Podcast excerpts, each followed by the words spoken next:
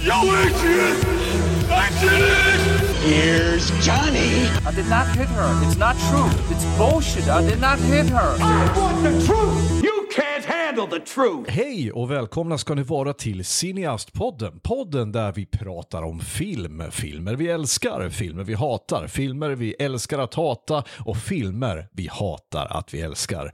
Jag heter Andreas Baros och min gäst idag heter Andreas Scheffel. Välkommen! Tack så mycket. Du har varit med förr och eh, du har ju som din lilla, eh, ska vi säga, din nisch, sa du själv, att jag, du ska välja filmer som så många inte har sett. Eh, och det hade, det hade passat dagens film väldigt bra om det inte vore så att den här filmen nu har gått upp på Netflix. Eh, så att jättemånga människor har sett den här filmen nu. Eh, och den har vunnit jätte, jättemånga priser. Eh, den har vunnit bland annat tre Oscars, var nominerad för tio Oscars. Den har vunnit eh, Guldpalmen, tror jag den vann. Den var Guldlejonet.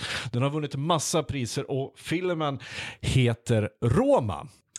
Eh, regisserad av, nu ska vi se om jag uttalar hans namn här, Afonso Cuarón. Jajamän. Eller Alfonso Cuarón. Eh, och jag gjorde lite, jag eh, kollade upp honom lite grann för jag tänkte så här, ja men det här är ju en kille som ehm, gör eh, lite ovanliga filmer, så, men det har han inte alls gjort. Utan han har ju gjort jättestora mainstream-filmer. Han har gjort bland annat eh, har han, eh, gjort Children of Men. Han har gjort Gravity och eh, han har regisserat Harry Potter and the Prisoner of Azkaban. Och inte bara det, han har skrivit manus till dem också och producerat dem. Så att han är ju en sån där allkonstnär som när han gör ett filmprojekt så ja, då gör han allt Ja. med det. Ehm, och jag kan säga att den här filmen gick ju inte mig förbi när den kom 2018 eftersom alla pratade om den. Det var ju liksom, den vann ju då bästa utländska film. Bland annat. Eh, Den var även nominerad till bäst film. Alltså till bästa film. eh, Alla kategorier på Oscarsgalan. Eh, Så, men det blev liksom aldrig att jag såg den. För, för den är, ska man säga, den är inte helt eh, liksom så här lättillgänglig. Det, den var inte det då i alla fall. Som sagt, idag så finns det på Netflix. Du kan se den när som helst. Eh, lite kort om filmen eh, bara. Eh, har du några korta fakta vi kan dra innan vi går in på eh, handlingen om den? Eh, korta fakta, ja. Eh, det är ju Alfonso Cuarons hjärteprojekt eh, som han har planerat sen han började göra framgångsrik kommersiell film. Och den är ju delvis självbiografisk. Den baserar sig på hans egen uppväxt och hans, den yngste pojken tror jag väl är i familjen. Vi kommer ju dra handlingen här sen, men som är Alfonso Cuaróns alter ego.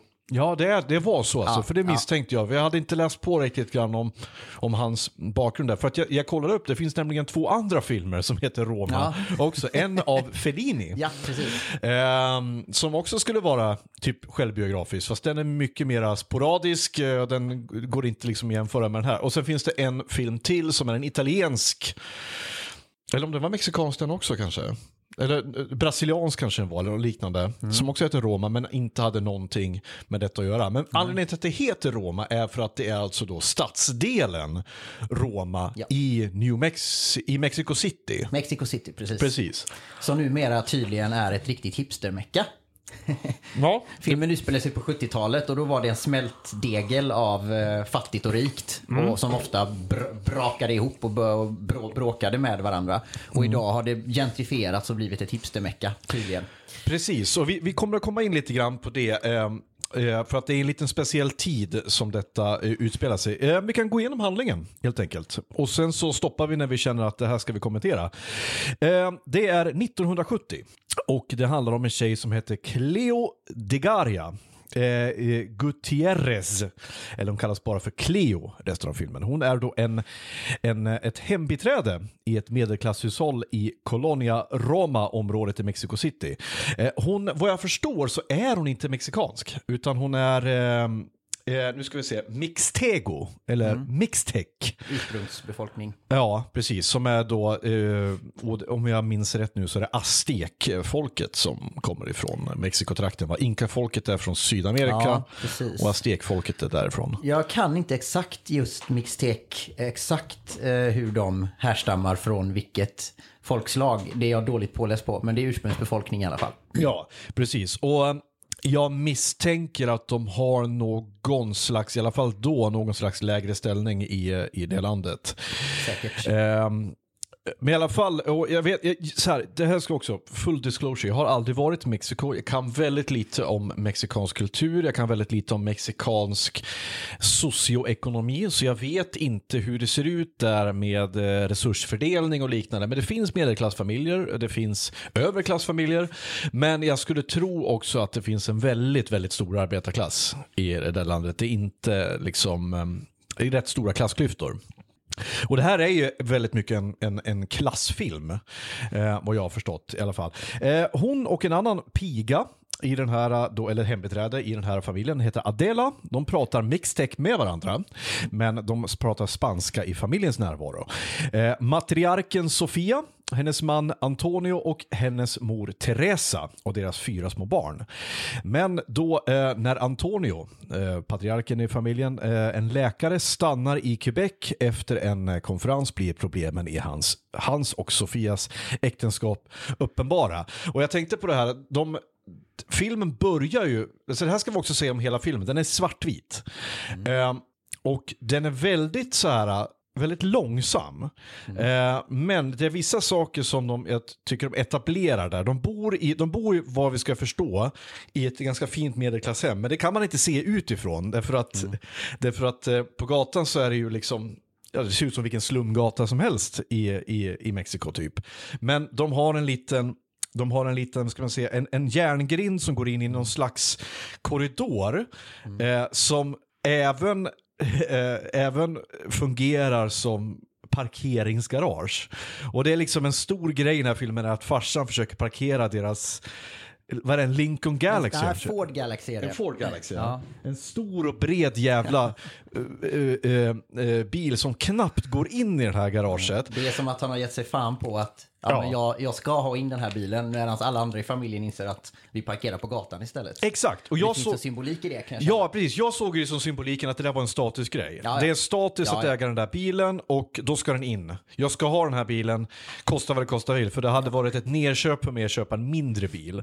Mm. Eh, men det ska i alla fall in där och han visar, och det här har han gjort tusentals gånger, det är alltså en, eh, en, en väldigt skilled parkering där. Alltså, Mm. för det, vi snackar millimeter för att ens komma in. Han kan inte ens komma i, ut på förarsidan, utan får, han får krypa över till passagerarsidan där. Ganska ovärdigt kan man Ja, känna. eh, och så det är en stående grej också att hundarna skiter hela tiden Ja. på, på, på golvet där inne. Så att ett av då Cleos jobb är att hela tiden, varje dag, ja, städa den här Mm. jävla korridoren. Jag trodde först att hon jobbar på någon slags eh, skola eller någonting. Nej, men det här är alltså ett garage. Ett garage som är, är liksom så fint som liksom, jag tror inte det ska vara ett garage, det är det som är grejen, utan de bara använder det som det är. Eh, i alla fall, det verkar som sagt eh, bli lite uppenbara problem i den här familjen. Eh, och samtidigt så dejtar ju då Cleo en pojkvän som heter Fermin. Och eh, ja, det, här, det här är också mycket märklig scen. Jag, jag tänkte så här, här har han ringt Roy Andersson här för att spela in den här scenen. Eh, för att det visade sig att ja, de har ju haft, uppenbart haft sex. Eh, Och pojk, eh, killen då, Fermin, han står helt naken eh, i, på toaletten och eh, plockar ner vad är det, badrum, duschdraperistången och börjar köra någon slags svärdkata med den här pinnen. Eh, helt naken. Eh, och visst, han är skicklig. Absolut, det är jättesnyggt. Men, eh, och Leo ligger väldigt så här eh, oförstående och förstår inte riktigt vad, riktigt vad som händer där. Men han förklarar den här pojken då att, ja, jo men eh, jag, jag växte upp utan familj liksom så här, och kampsporten har räddat mitt liv. Eh, vi kommer att få se anledningen till varför han tränar senare i filmen. Men det här var en så märklig brytning. Men de, de har i alla fall haft sex. Och Sen kommer, tycker jag, vad som är filmens starkaste scen. För att eh, senare, bara några scener senare så går de på bio tillsammans. Eh, och tittar på vad jag tror är mexikanska Tree Stooges eller något liknande. Nej, det är, jag kollade faktiskt upp det här men nu har jag glömt bort det. Men det är en, eh, en film som eh, utspelar, jag tror att det ska vi se, nej skit, jag har faktiskt glömt bort vad den hette. Men det är en film som finns i alla fall. Jo, jo, det, jo, det, men- det, är- det är inte en film som har gjorts för film för Roma. Nej, men det en förstod jag också. Men jag tänk, ja, men, film. det, det påminde om, om typ Ja. Three Stooges, alltså eh, typ nå, eller Bröderna Marx, whatever liksom. Eh, Svartvit komedi. Eh, och, och Cleo berättar då för Fermin eh, här att jag är gravid. Eller jag tror jag är gravid. Okej, säger han. Eh, jag ska bara gå på toaletten. Och så reser han sig och går. Eh, och under den här, hela den här scenen så, så, så rör sig aldrig kameran utan den bara är helt stabil. Och vi får se, eh, och det, det pågår i säkert 60 sekunder. Så si- sitter vi och ser henne där och han kommer aldrig tillbaka. Och vi får senare få veta också att han har inte bara, han kommer inte bara tillbaka, han har dragit från stan. Eh, långt ut på landsbygden därifrån. Och lämnat henne i sticket. Och jag kommer ihåg att jag, det här tyckte jag var så jävla starkt. Man fattar liksom att hon är ju helt, helt övergiven. Där. För jag får inte heller veta om hon har någon släkt, om hon har någon familj. Framgår det? Ja, men riktigt? det nämns ju att hon har en mamma som bor i en by. Barnen säger vid flera tillfällen att ska vi inte åka och hälsa på Cleo och hennes mamma. Så hon, hon eh, bor ju i, eller hon kommer ju från en, liksom, en Ja. liten by. Och jag tror det senare i filmen så näm, nämns det också att hennes mammas hus blir tvångsinlöst, har jag för mig. Ja. Och att det är en grej och att Adela säger till henne, ska du inte åka och hälsa på henne nu? Och så säger hon någonting om att, ja men det gör ju ingen skillnad, gården kommer bli tvångsinlöst i alla fall. Ja, just det. Hon behöver ju jobba liksom. Ja. Nej, och Cleo är ju då... Eh, hon är då eh, förståeligt orolig här. Eh, nu ska vi se om jag kan det här rätt, men jag tror att Mexiko nu och framförallt då var strikt katolskt. Så att abort var ju ingen grej eh, som förmodligen var tillåtet i, i, i Mexiko på den tiden. Jag blir ändå ganska, liksom, de verkar ändå, så här, läkare och sjukhuspersonal verkar ändå vara väldigt vänliga och väldigt professionella och bra liksom och så. Men det, jag fick känslan och intrycket av att hon har inte mycket hjälp här. Alltså det, det, nu, är, nu ska hon bli mamma. Det, Ja, hon får ju hjälp. Hon kommer ju till ett bra sjukhus på grund av sin husmors Ja, precis. nåder. Alltså det är ju de som betalar för det och ser till att Exakt. hon kommer till bra vård. För hon går ju, hon går ju och berättar liksom för, att, eh, för Miss Sofia då, eh, eller- och att eh, hon, hon är gravid och hon är jätterädd för att hon ska få sparken men Miss Sofia är jättesnäll mot henne och som, som du säger då tar henne till sjukhuset och ser till att ehm, hon får den vård hon behöver.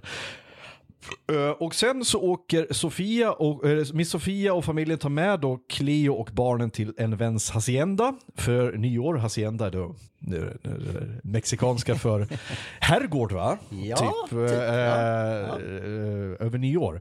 Och det här lite, då visar det sig att eh, det planteras lite grann här och det här görs liksom i radiosändningar och grejer att det är spänningar, politiska spänningar i landet. Och jag läste på lite om vad, vad var det som hände på den tiden? Jo, det var ju mycket liberala studentuppror och grejer som var på gång då. Och det kontrade då, eh, och jag förstår eh, regeringen med att anlita paramilitära styrkor Ja. eh, som hette Los Halcones, tror jag de Ja, hette. bra. Eh, för, och det var väl i princip det som alla fasciststater har gjort någon gång, liksom att de kan ju inte gå in med poliser och grejer för att göra det. Nej men för att inte lose face då så kan ju, eh, så måste ju regeringen, eh, de vill helst inte skicka alla poliser för de har inte så mycket polisstyrka att kunna göra så att då anlitar de Och det är inte så snyggt heller att göra det. Nej, så Då, då, då fixar de liksom eh, unga och eh, thugs liksom, som kan gå och spöa upp. eh. Och det var ju samma sak som Hitler gjorde med, med SA och så här. Det här är ganska populärt liksom, i, i fasciststater. Ehm, och det här får man se, så så här, så de pratar lite grann om det här i bakgrunden. För att nu på det här nyåret, nu får vi se, nu, nu är det är väldigt liksom medelklass nu, väldigt dekadent. Jag tror till och med att vi, vi ser några norrmän som är på besök och några amerikaner. De är ute i Och vi en får scen. höra en sång på norska också. Ja, ja visst. Ja. Och det, det, det, är, det är en scen där, där, de, där de går ut i skogen och skjuter. Alla, alla tar vapen Ja. och bara ställer sig och skjuter. Jag bara... Så här, och på något sätt, Oerhört oklart vad de skj- skjuter på. jag tror att de bara skjuter ut på träd eller någonting. Alltså, för ja. jag, jag tror att, som sagt, det där är ju det här äh, medelklassen vill leva lite farligt eh, grejen. Alltså, de har råd att kunna ta Mm. sig de friheterna medans... Och det här, återigen, det är det här, vi får ju se det här ur Cleos klassperspektiv. Förmodligen i hennes ögon så är det här, men varför, gud, vad, vad, vad gör ni? Varför Precis. gör ni så här? Eh, men det är deras nöje liksom. Eh, senare på kvällen så, så är det ju då nyårsfest och folk firar och sen så ja, bränns det av lite fyrverkerier ute i skogen och det blir en skogsbrand. Eh, som de löser hyfsat fint ändå med, med en snabb eh, hi- hinkvattenkedja. Eh, Medan en norrman iklädd jag vet inte, vad fan har han på sig? Någon slags strawman-kostym.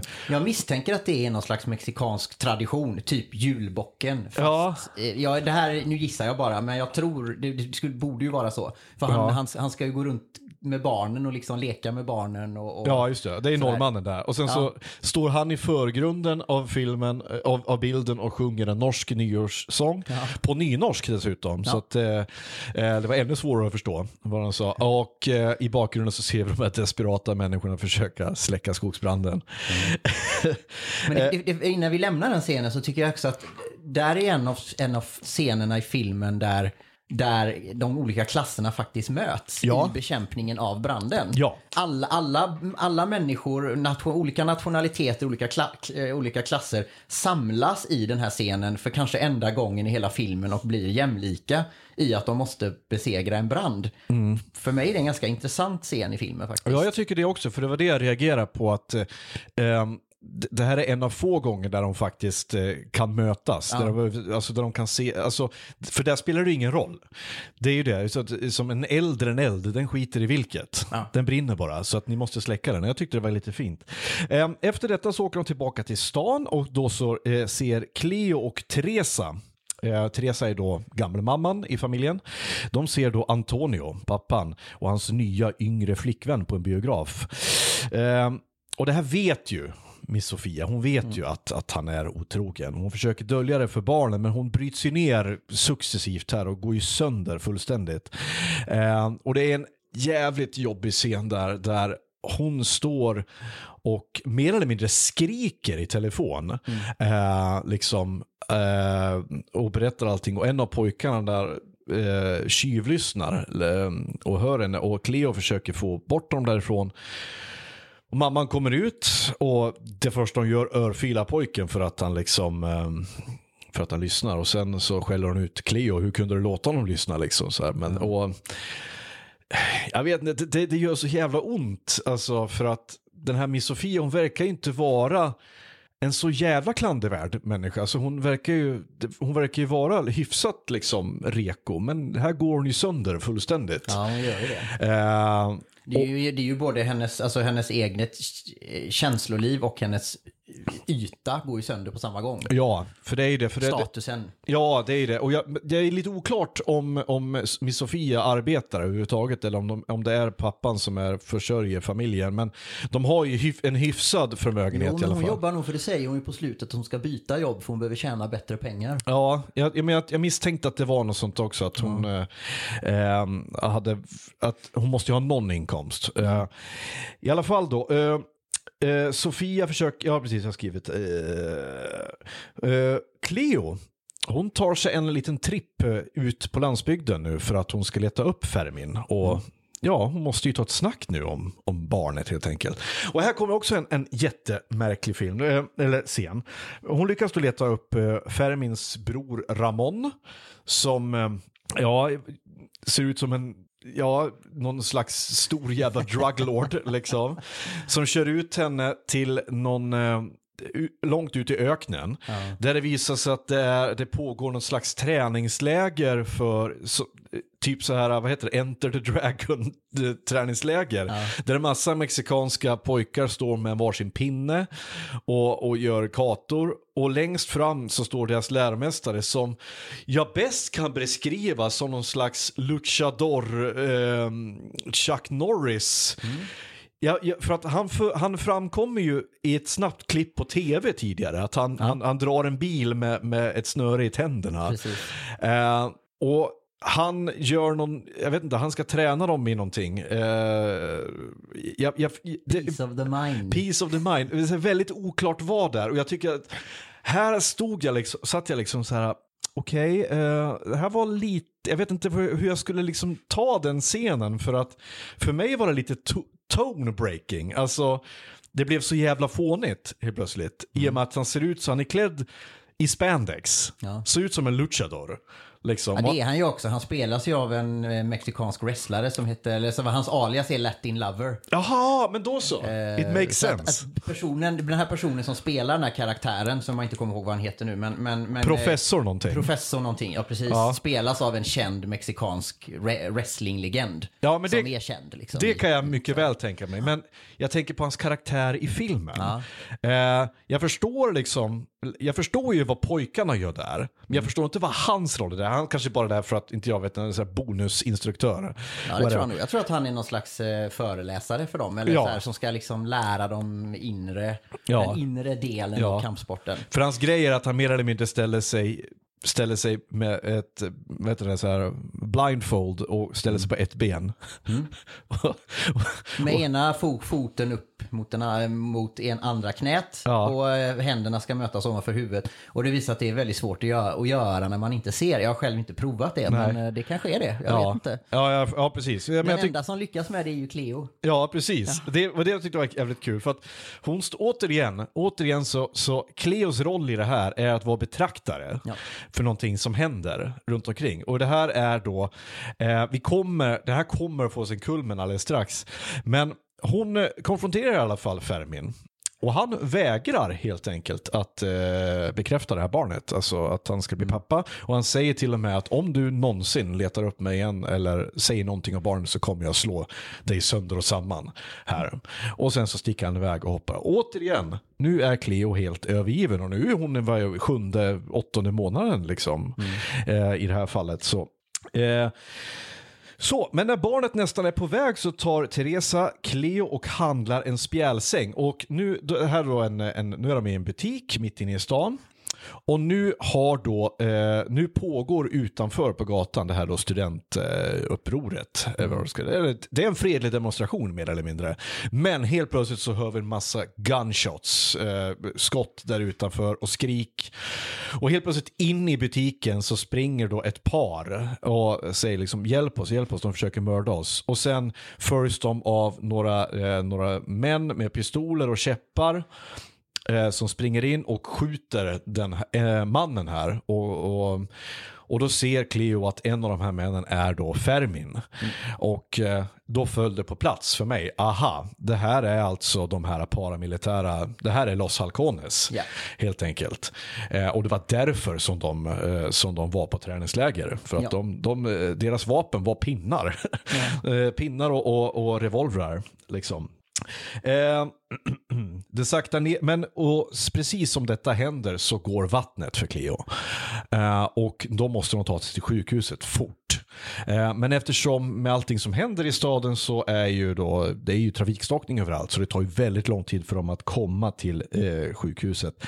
När de kommer till sjukhuset så möts hon då av, eh, av den här Antonio. Som vi, eh, ja, pappan i familjen. Och han lugnar ner henne lite grann men han sticker ganska fort. Som han alltid gör. Som, ja, Han säger bara, han säger, han säger att ja, men den här läkaren kan ta hand om det. Jag, så, bra, jag har något annat att göra. Oklart om han har det eller inte. Det har han nog inte. Han vill Men- bara inte vara med. Det, men tyvärr så blir då Cleos, eh, Cleos eh, då barn dödfött. Och det här, det här ska jag säga, det här är den andra starkaste scenen i, i filmen för mig. För den här var svinjobbig. Eh, under hela då förlossningen så är det i princip bara en, en stilla kamera. Och det ska vi också säga att under hela filmen så är det aldrig mer avancerade kamerarörelser än en panorering åt sidan. Nej, nej.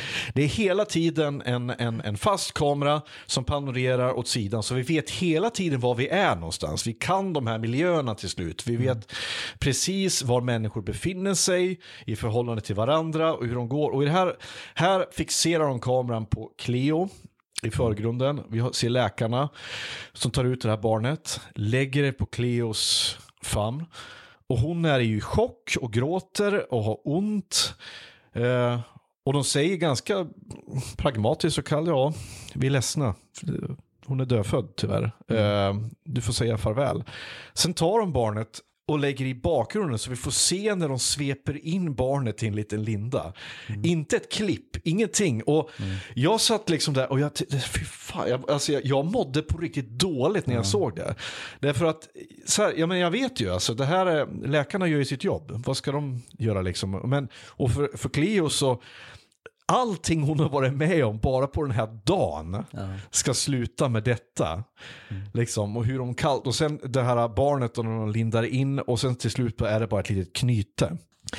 Det är ju intressant också att eh, läkarna är ju inga skådespelare utan spelas av riktiga läkare och sjuksköterskor. Jaha, det visste jag inte. Nej, men det är det faktiskt. Och det tycker jag man märker på dem. För att de, pra- de pratar på ett väldigt, alltså, det kän, allting de gör känns väldigt trovärdigt. Sen Ja. är det ju en annan tid och en annan, idag hade, det ju, hade vi haft teknik som kanske hade kunnat rädda barnet eventuellt. Men, Ja. men eh, nej, det, det är en väldigt stark scen och jag kan tänka mig för en människa som själv har barn så blir det ännu, ännu, ännu starkare. Ja, och- För man, man ser ju Cleo i förgrunden, hur hon våndas genom Ja. alltihopa det här samtidigt som man i bakgrunden får se, som du säger, utan klipp, utan Ja. någonting, bara liksom hur barnet Ja. De försöker rädda barnet men det är hopplöst. Liksom. Nej men precis, och jag tänker, eh, det kan ju också vara med att det, det, det är ett språk som, eh, som jag inte är bekant med. Eh, men det kan också vara, precis som du säger, att de är, de är riktiga läkare. Det känns väldigt trovärdigt. Ja. Det, är liksom, det, är, det är lugnt, det är sakligt, det, liksom, de, de gör det de ska helt enkelt. Det är liksom inga, det är inga överdrivna stora känslor utan vi får se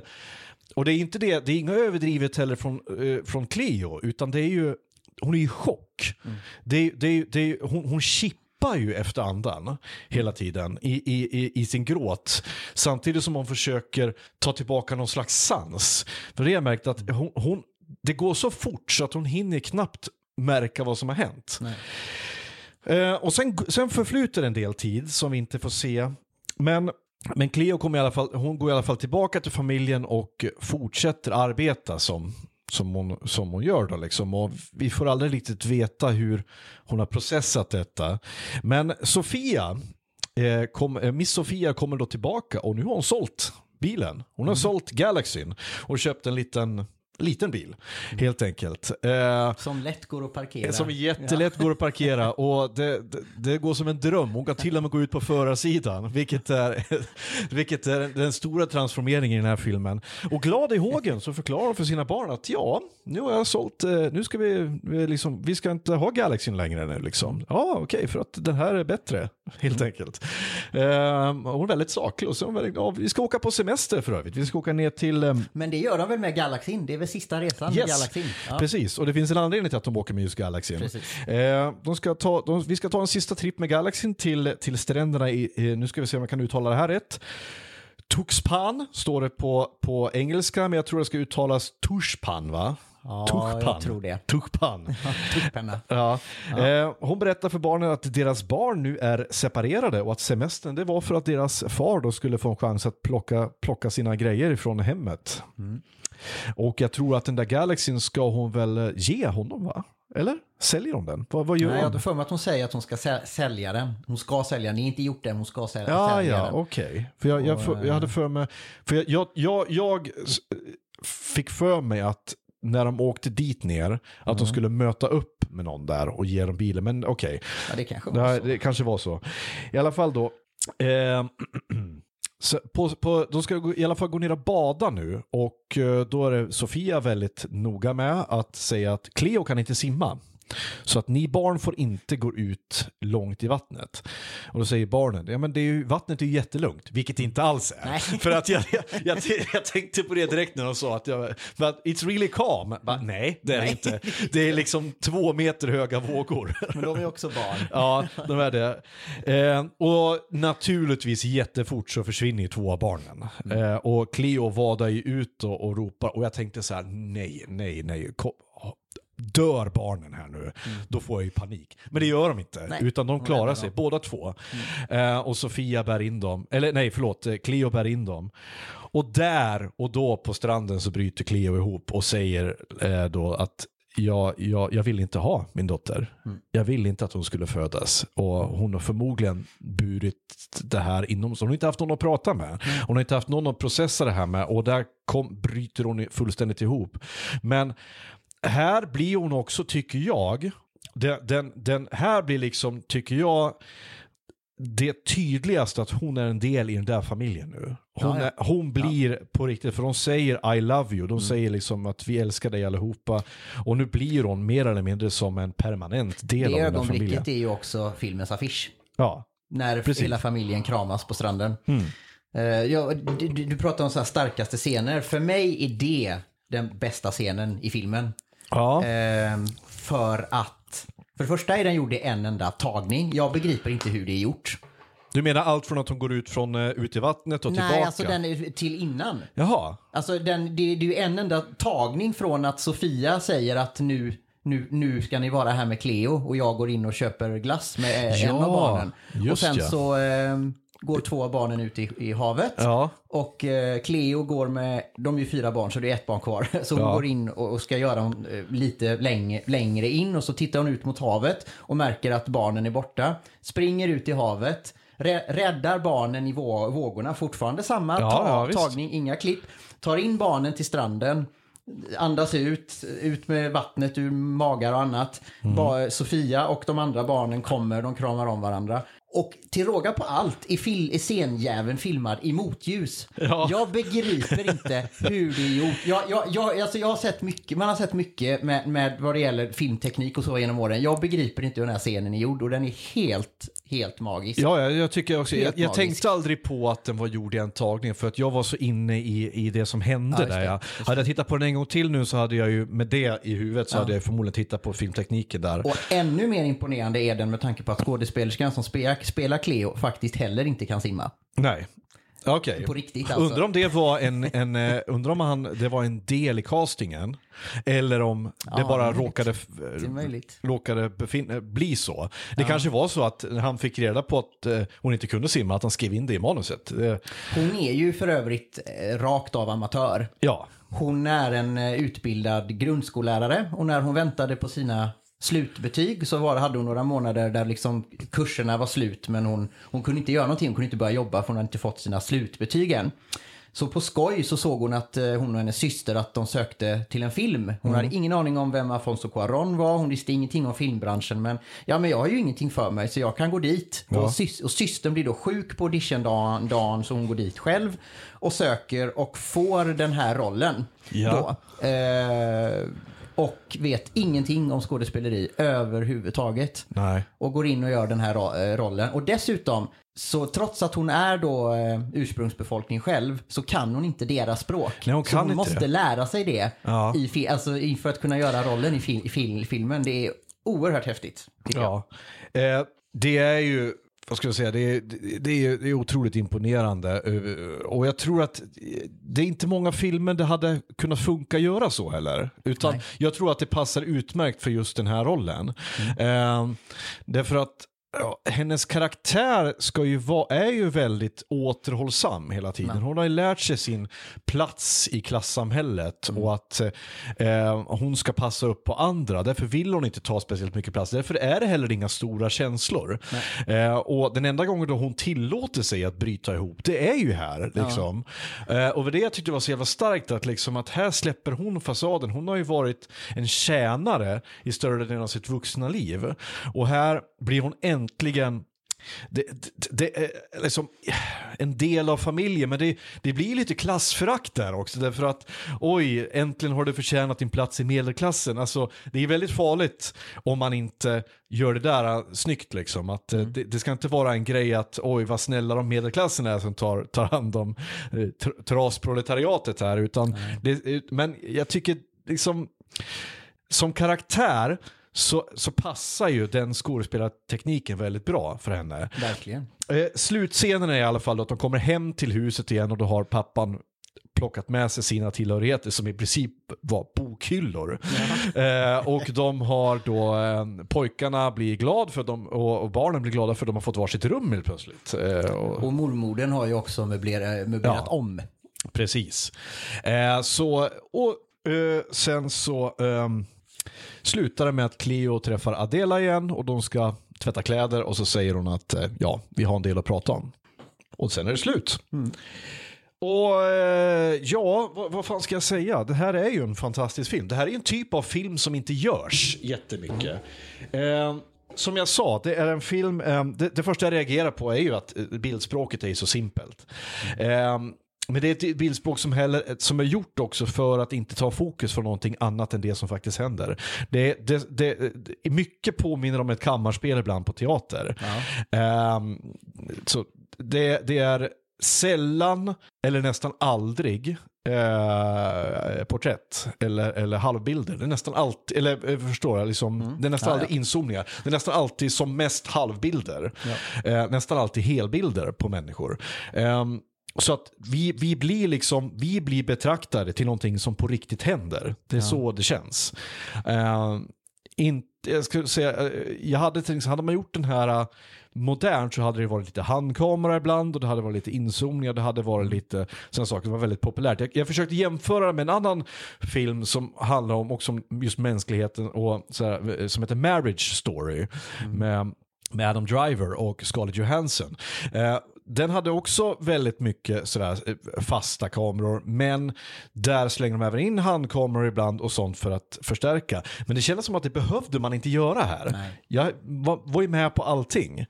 Det, det, alltså, jag, för mig är det film, alltså det visuella är filmens allra största styr, styr, styr, styrka. Den, den har ett väldigt bra manus, har oerhört bra skådespeleri.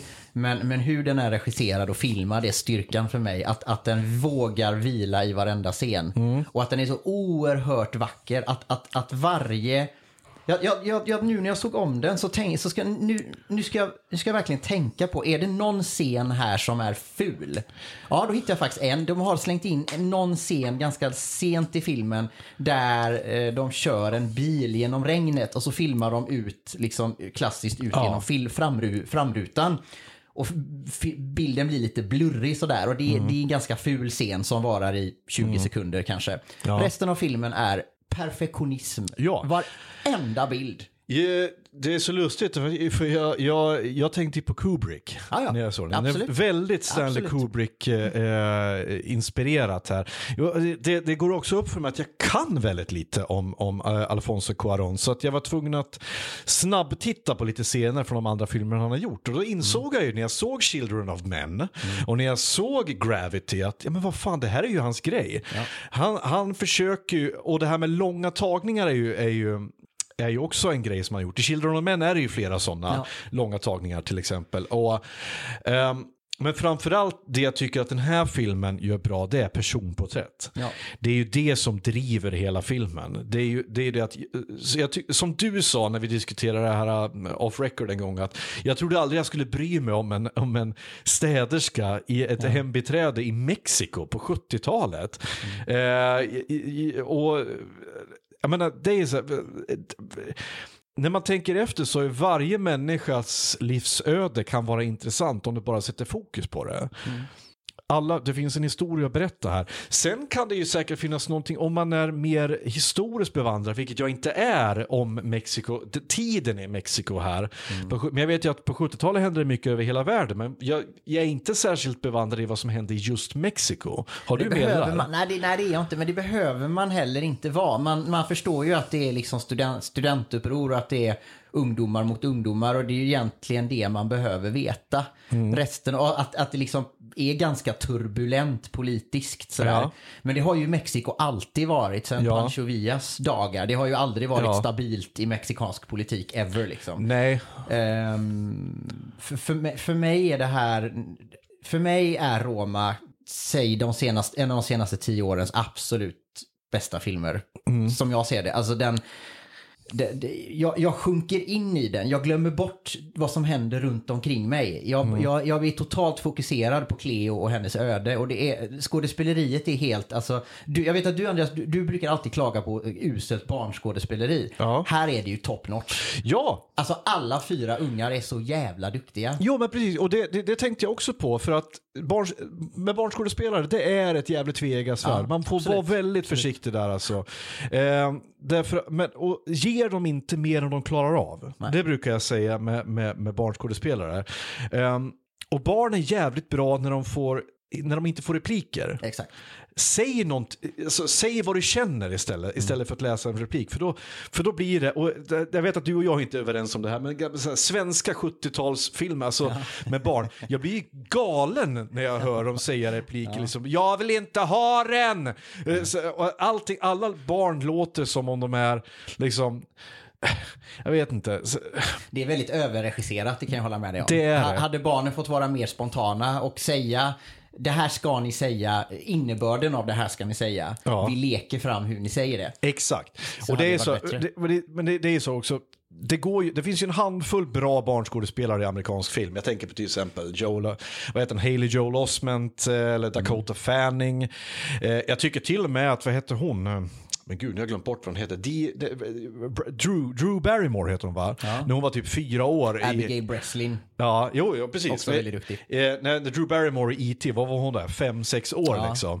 Men där var de också så här, de gav henne repliker som ett barn ska säga. För det här är problemet när de ska skriva repliker till barn. Då måste ni skriva repliker som ett barn skulle säga. Mm. Ni kan inte skriva repliker som en vuxen tror att ett barn skulle säga. Det är det som är grejen. Så precis som du säger, låt dem istället säga vad de känner. Men det är också så Alfonso Cuarón har jobbat med den här fil- filmen. För att det är ju som sagt var hans hjärteprojekt. Han, han har, det, det, det är det här han har velat han, han har velat göra annan film för att nå den nivån att han kan, han kan ha carte blanche att göra Ja. Mm. den här filmen. För det, det, det är filmen som han tillägnar sin sin nanny eller sin hushållerska som han har vuxit upp med då. Ja. Filmen är också tillägnad henne på slutet. Eh, Den är det. Libo, till Libo tror jag det står på slutet eller något sånt där. Mm. Och, och han, eh, han har liksom inte velat släppa filmen. Han har, ju de, han har ju dessutom fotograferat den själv. Vilket ju är extremt... Var han DP på den här? Ja. Jaha. Han, han ville att en mexikansk kollega som jag tappat bort nam, nam, namnet på nu, eh, en, en mexikansk DP skulle fotografera den men den här Jaha. mannen var inte tillgänglig. Nähä. Och då sa han, jag tar inte in en amerikansk DP och ska förklara för honom hur mexikansk kultur fungerar Nej. när vi gör så mycket on location filmning som vi kommer göra här. Ja. För det är ju i princip bara on location, det är nästan Ja. inget studio i film Nej, överhuvudtaget. Eh, så att då gör jag det själv. Ja. Så han gjorde det. Plus att han eh, skrev ett väldigt utförligt manus i detalj med ljud och allting i. Och sen så gav han det inte till någon. Utan eh, varje morgon när de skulle spela in en film, filmen är, är inspelad helt i kronologisk ordning, 100% kronologisk ordning. Eh, och varje morgon när de skulle filma så fick de dagens manus, det de skulle göra idag. Eh, och de fick heller inte se varandras repliker. Nej. Så att eh, Ja. han gör scen för scen. Eh, och alla skådespelare vet bara vad de själva ska göra och inte helheten av det de gör. Och jag tror att det är en av anledningarna till att den känns så naturlig. Att de har Ja. bara sin egen, sin egen karaktärs driv, drivkraft. De har ingen aning om... De har ingen aning ens om karaktärsutveckling. Nej. De vet inte ens vad sin Så har, karaktär... förstått, så har jag förstått det som att det är. Ja, vad intressant. Ja. För det kan ju, vara, det kan ju backfire ordentligt det Ja. där om man inte gör jävligt med fingertoppkänsla. Alltså, För att eh, det, är ju en, det är ju en resa som en skådespelare ska göra under en produktion. Att veta var ska min karaktär någonstans. Man ska Mm. ha i bakhuvudet, eh, jag är här nu, men han ska dit, det min karaktär. Sen är det Eh, ju mycket möjligt att, att äh, Cuarón har sagt till kvinnan som spelar Sofia till exempel att du spelar en kvinna som håller på att bli, läm, läm, bli lämnad av sin man. Hon måste hålla upp en fasad och till slut så kommer hon att komma ur det här Mm. och, och, som en starkare kvinna. Det är ju möjligt att hon har den infon. Men Ja. inte, inte scen för scen, alltså exakt liksom Nej, vad hon ska det- göra. Ja, det, fan, det, var inte, det var inte alls dumt det där. För att, det, precis som du säger, det blir naturligt. Det blir som att när en människa... För har du läst ett helt manus så vet du ju vad människan ska säga. Eh, och framförallt tror jag när du jobbar med amatörer så kanske de inte har den tekniken. Och det kanske är bättre att, nej men nu när du hör det här så hör du det för första gången. Då blir också din, din reaktion naturlig. Nu har hon inte jättestarka reaktioner eftersom hon är ju så pass introvert den här, den här eh, karaktären.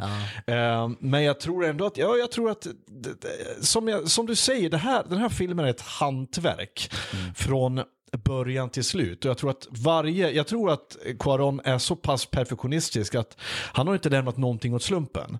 Han har nog räknat med hur allting ska, jag, jag, jag bara gissar att det inte var jättemånga omtagningar heller på, Det vet jag faktiskt saker. inte. Nej. Men jag, jag- vill att så inte, kan det mycket väl vara. Jag vill att det inte ska vara det. Jag vill att han ska filmat det på två veckor typ. Eller Jag vill, jag vet, det, enda jag vet är att den här fantastiska då som jag tycker strandscenen eh, tog ett tag att få till för att kranen de använde för kameran Ja. strejkade. Ja. Så just den vet jag att de fick ta om några vändor innan den satt. Ja. Eh, men i övrigt eh, oklart. Och jag vet också att de råkade rätt illa ut under inspelningen. Dels blev de utsatta för ett rån. Ja. Ett, vä- ett väpnat rån, filminspelningen. Ja. Och dels så kom de också i bråk med lokala myndigheter när de skulle fil- filma i, i Roma. Har glöm, liksom. glömt att muta dem eller någonting. Sannolikt ja. Eh, Så det blev bråk och till och med handgemäng där med produktionsteamet. Ja. Eh, För han använde ju ett rätt igenom mexikanskt team. Den, eh, Mm.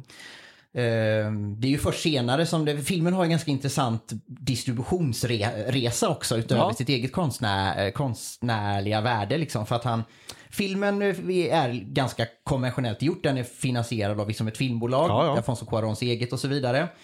Ehm, och sen så skickar han runt till olika distributionsbolag som han Mm. gör. Men det är alltså ingen stor studio som ligger bakom själva inspelningen. Nej, nej, nej, utan nej, utan- utan han, han, har, han, har, gjort- han, har, gjort- han har gjort den på eget bol, bolag så att säga. Och eh, Netflix, som vid den här tiden, 2018, hade bestämt sig för att vi vill också satsa på kvalitetsfilm. Yes. Och Netflix hade väl på något sätt bestämt sig för att någon gång ska Oscar gå till en Netflix-rulle. Yes. Och eh, efter att ha sett ungefär 10 minuter av ett litet mischmasch av scener som Cuarón hade klippt ihop så sitter filmchefen på Netflix och säger den här ska vi ha, kosta vad det kosta vill. Så de köper rättigheterna eh, till den och så går den upp gan- ganska eh, kort på biograferna Ja. och visas på några filmfestivaler. Den blir portad på, jag tror att det är i Cannes den blir portad och att den släpps igenom i Venedig och vinner Guldlejonet i eh, Venedig. Men den blir portad i Cannes för de beslutar sig för att filmer som släpps på, eh, som ta- tanken att i huvudsak gå till streaming direkt, Ja. ska inte gå upp på våran filmfestival. Ehm, men det visar sig att filmen är ju så oerhört bra så att Oscars då, eller the Academy, the Academy liksom, of, of, of Motion Pictures and Arts, kan- inser att vi kan ju inte förbigå den här fil- filmen. Den har vunnit guldlejon, den vinner alla priser som finns. Ja. Så att vi, vi måste ju ha med den här. Så att det är alltså den första filmen gjord för att i huvudsak gå upp på streaming som vinner Oscar.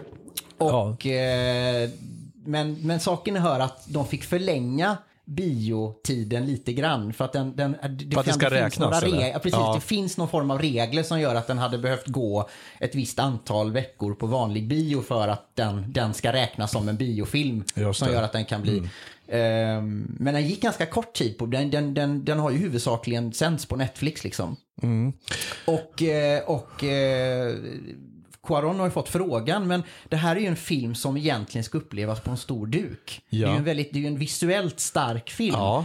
Varför sålde du den till Netflix? Jo, sa han, men jag hade en känsla av att den här filmen faktiskt, när jag var färdig med den, skulle gå väldigt bra. Att den faktiskt skulle ha en chans till stora priser som bästa ut, Mm. uh, icke-engelskspråkiga film på olika festivaler och så vidare. Och de filmerna ser folk inte. Nej. Därför att den typen av fil filmer har ofta en, en, en, eh, en aura kring sig av att vara svårtillgängliga Ja, och kluriga. Och är det inte på engelska då orkar vi inte se den. Nej. Men om man skickar upp den på Netflix så vågar folk chansa. De Mm. vågar ge bort två timmar av sin kväll hemma för att ja, men vi testar den här lite Ja. Mm. konstiga filmen som alla snackar om. Och jag insåg att det här är min stora chans att få folk att faktiskt se den här filmen. Ja. Och det har han helt rätt i. Ja, jag, jag tänkte precis säga det, för att jag tror att det där är, det är också en viktig grej för, för framtiden. För att eh, hur mycket jag än älskar att gå på bio, jag gör det ett par gånger i månaden, eh, så eh, vet jag att streaming är framtiden. Eh, och det här, det är liksom, det, vi kommer aldrig komma ifrån det.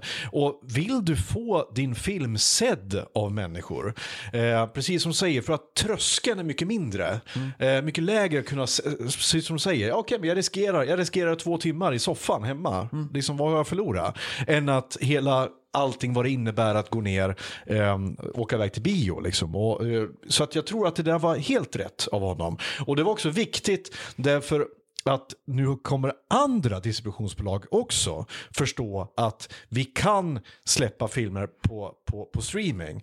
Det jag kan däremot bli rädd för det är att kanske dra in lite för lite pengar.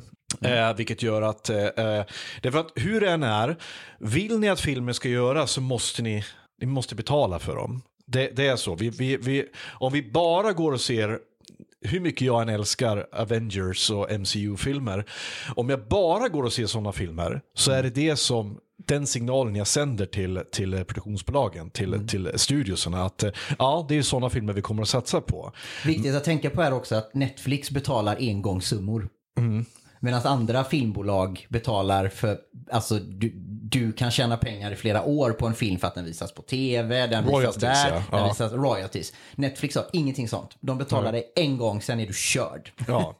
eh, jag, vet, jag tror Disney Plus gör det också. Det kan vara så, Ja. mycket möjligt. Eh, Men Disney å andra sidan visar ju mestadels sina egna produktioner, även om de också köper in, eh, i och för sig de köper ju in bolag, det som kommer ju äga allt till slut, de kommer ju säkert köpa Netflix en dag. Ja. Jag kollade faktiskt upp det där, vilka så bolag som hade mest pengar och eh, Ja, jag blev ju inte förvånad när jag egentligen såg att det är Amazon som har... Ja, Amazon är ju nästan dubbelt så stort som Disney. Så eh, Mm. eh, det är snarare större chans att Amazon köper upp Disney+. Plus. Men ja, i alla fall. Vad gäller streaming, som sagt, jag tror att streaming är, streaming är viktigt för att nå ut. Streaming är för, vad tror jag, för mindre filskapare vad Spotify är för mindre musikskapare.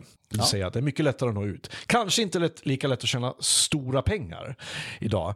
Men eh, det kanske vi kan se som en liten klassfråga. Där kanske också att eh, måste du bli miljardär på en film? Kan du inte, räck, räcker det inte att du blir miljonär på en film? Det, det, man kan tänka sådär också. Jag, jag, jag tror verkligen att Roma var fil, filmen som förändrade branschens och den vanliga människans syn på vad Netflix är för någonting. Ja, jag, jag, jag skulle kunna hålla med dig om jag inte visste att Netflix redan innan hade gjort så mycket kvalitetsserier. Eh, Ja, fast film är en annan grej. Jo, jag vet att det är en annan grej, men jag, jag tror att Netflix, vad jag menar med, med det, med att Netflix förhöjde statusen på, på, eh, på egenproducerade produktioner. Och eh, även om Roma kanske var en av de första, kanske den första stora filmen, så hade Netflix redan, redan lagt grunden, eller HBO om vi ska vara helt ärliga, hade lagt grunden för att höja statusen på tv. Ja, absolut. Ja. Ja, Men det är en annan, det är en annan sak. Alltså, Ja. De har alltid, in, menar, in, innan Roma, om vi tar några år tillbaka, så Netflix egenproducerade filmer, Ja. det var ju mest... Det var skräp. Det var skräp Ja. liksom.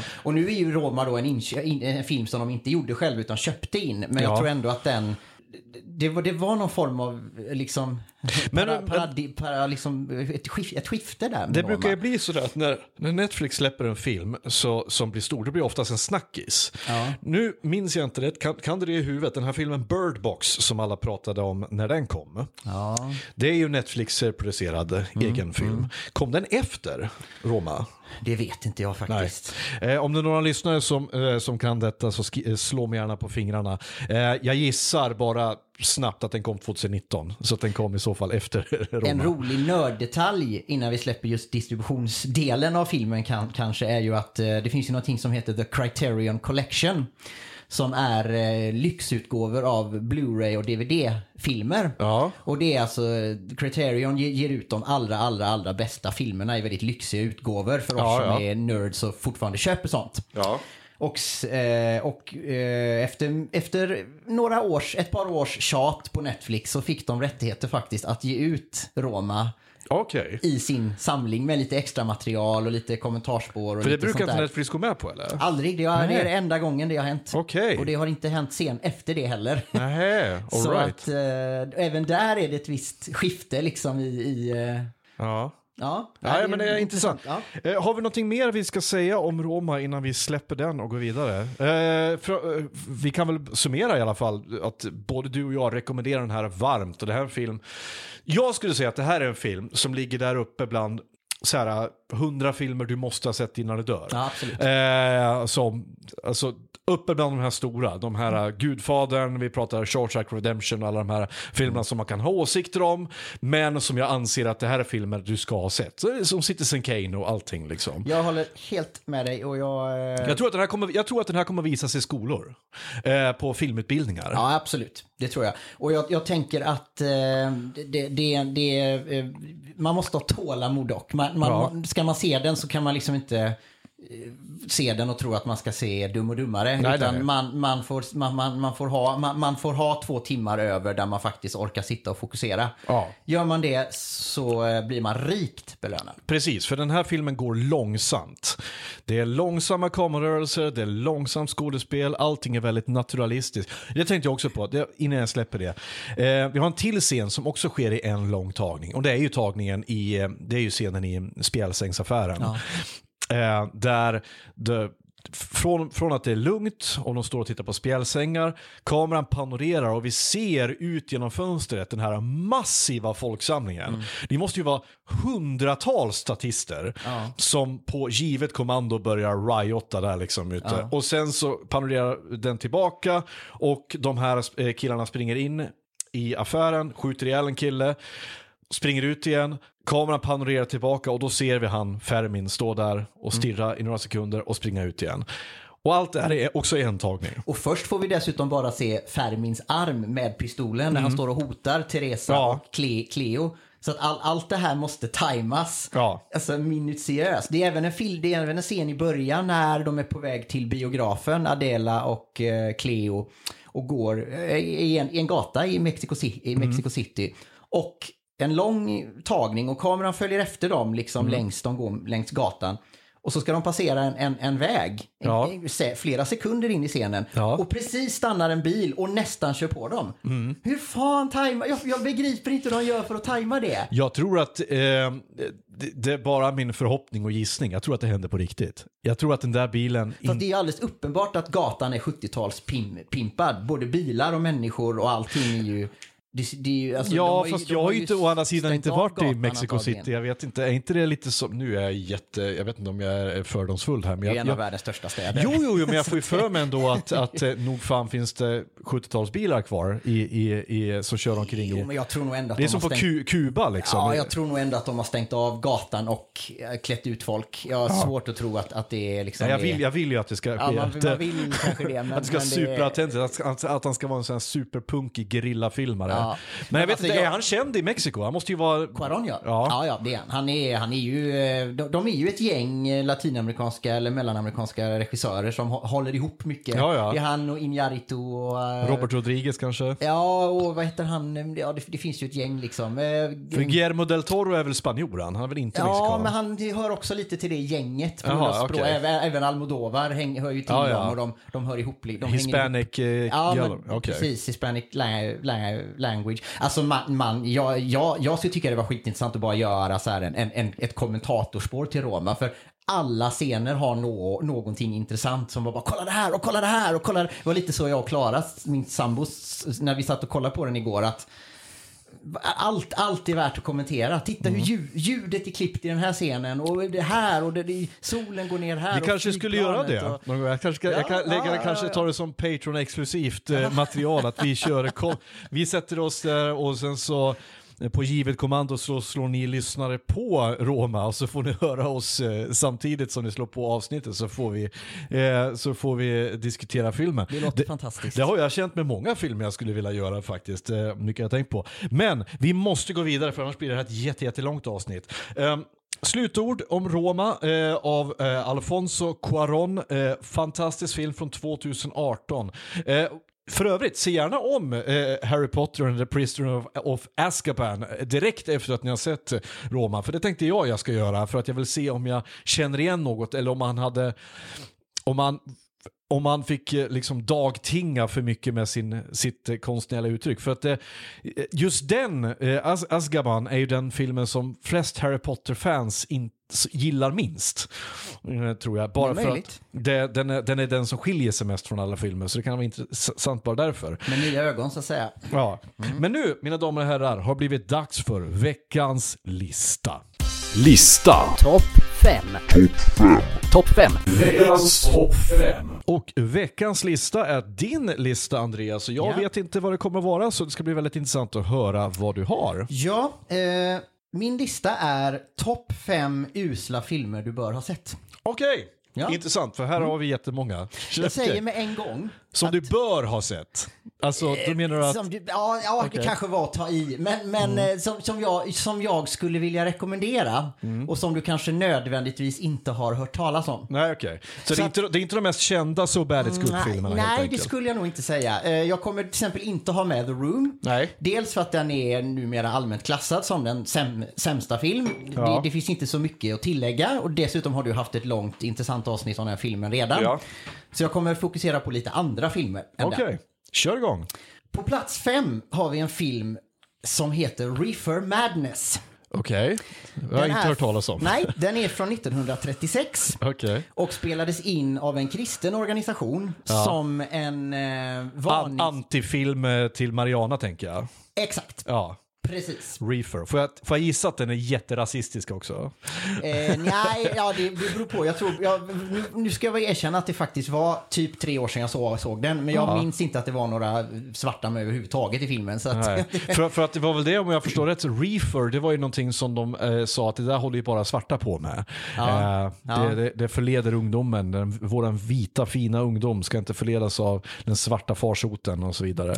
Nej, det, det, är väl, eh, det är väl lite sådär. Den, den, eh, ja, den, den är i princip vad man tror att den är. Det, Mm. det handlar om eh, det är en väldigt moralistisk film om vad som händer med ungdomar som röker marijuana. Mm.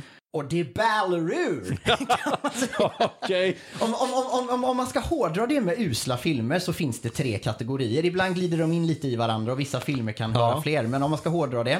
Det finns ett, de filmer man bara blir arg och förbannad över. Ja. Det här är motbjudande, äckligt, vidrigt. Ja. Två, det finns de som är kul och man sitter och skrattar, tycker att det är härligt och för att Mm. Ja. det är klantigt och, och roligt. Och det finns tre där man bara, Hä? Man, man, man, man begriper inte vad det är man sitter och ti- tittar på för att det är så o, ofattbart konstigt. Okej. Och jag får nog faktiskt säga att trots att det är en ganska rakt, enkelt berättad film så hör Reefer Madness till den sista kategorin. Den är fullständigt obegriplig. Men vad är det som gör den så obegriplig? Alltså, är det att de har missuppfattat vad Mariana är för Ja, någonting? det, dels det, alltså det, det ballar ur något, alltså det ballar ur med det, det, det handlar om, om, filmen kretsar kring två yngre som, som liksom säljer Mariana på en skola. Mm. Och vad, vad som sen händer med de här som köper Marianan av dem. De röker en gång och blir paranoida. Ja. De går runt och börjar våldta kvinnor helt, helt random. Ja. De börjar slå ihjäl varandra. Okej. Eh, alltså det, det ballar ur så man, man tror nästan inte att det här är sant. Nej. Och när den här filmen gick upp så floppade den, även på den tiden, vi pratar 30-tal nu, när alla gick på bio hela Ja. tiden, men ingen ville se den. Var på en eh, exploitation-snubbe som hade en kringresande cirkus bland annat, köpte upp fil- filmen, klippte om den lite grann så att den blev ännu konstigare. och visade Okej. upp den på sin, eh, på, eller skickade run, run, runt den på exploitation-marknaden ihop med tidiga porrfilmer och, eh, och han visade även upp den på sin cir, cir, cirkus en bit in på 50-talet. var inte riktigt det han filmen- tänkte sig. Han som gjorde Nej, det, det var det nog inte. Och Nej. det är sen på 70-talet så återupptäcktes filmen av en eh, lite lätt pårökt generation som tyckte att det här var ju otroligt roligt. Och sen har den blivit en kultfilm som har förvandlats till musikal, bland annat. Så det finns en off-Broadway-musikal som heter Reefer Madness som baseras på den här filmen. Eh, Jag skriver ner den här nu för det här måste jag se. Ja, eh, Leonard Maltin som ju är en känd filmvetare som länge hade Leonard Ma- Maltins film En videoguide som ju var någon slags sådär... Eh, Ja. ja. Han har kallat den The Grandfather of Bad Movie. det, det, det var här den dåliga filmen började. Men det är nästan, det är näst, smärta jag säger, men det är nästan fusk. eh, eh, I och med att det skulle vara en infofilm. Eh, men jag, jag, det, det påminner väldigt mycket, jag ska bara ta en kort, kort passus så jag inte tar bort fokus från dig här nu. Jag såg någonting liknande under en film, en film som jag såg nu, men en film som producerades under 80-talet, eh, när, som skulle avskräcka folk från att spela rollspel. och det handlar om ett gäng, eh, två high school tjejer, en, en ung oskyldig high school, kristen high school tjej som börjar i skolan.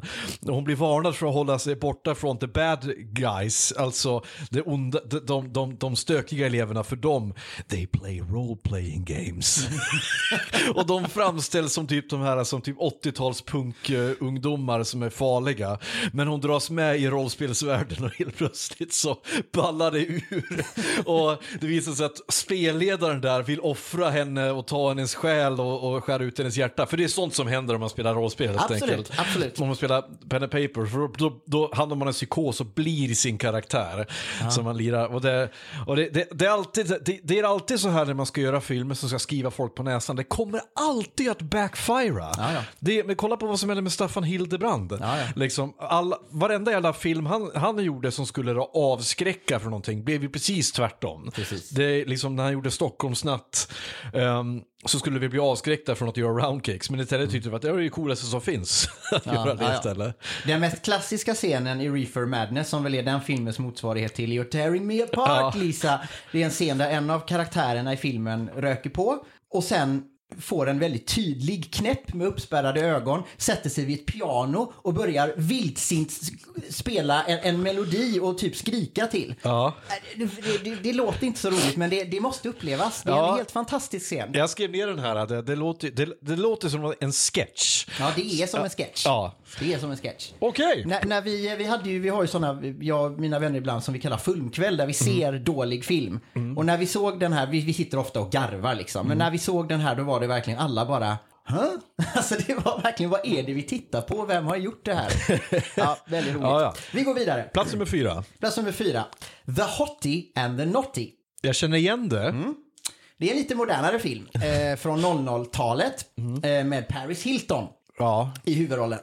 All right. Eh, det handlar om en... Eh, ja, huvudrollen är egentligen inte Paris Hiltons karaktär utan huvud, huvudkaraktären är en, en, en, en pojke som, som är, eller en kille som är liksom lite besatt av henne. Han kan inte glömma sin stora skolkärlek som var då den vackra flickan som spelas av Paris Hilton. Nej, okej. Ja. Och han eh, får på något märkligt sätt, det här är den ty typen av film som när man läser sammanfattningen av handlingen på Wikipedia Mm. så har de lite svårt att beskriva den utan att vara nedsättande i ton, ton, tonen för att den är så kon konstig. Okej. men, men på något märkligt sätt så får han veta att den här kvinnan, den här tjejen som han var så intresserad av brukar springa samma löprunda var, varje dag. Så du staka henne lite grann. Ja, då. alltså han börjar Ja. lite staka. Bara där är, alltså så här, ska vi känna sympati med den här Ja, personen precis. då? Som, men det ska vi tydligen då. Ja.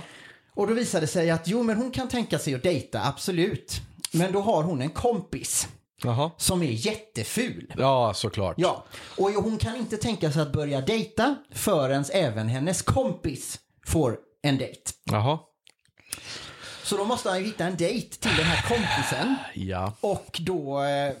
Jag, jag, jag, jag suckar redan nu, Ja. därför att eh, det är så Och då, då, då, då på något sätt så blandas det in en tandläkare i huvudrollen som, Jaha. som inte bara är tandläkare Nej. utan också eh, eh, på något sätt eh, kan ser hur, hur den här fula tjejen då ser ut på insidan och på något sätt så ska han då transformera henne till snygg.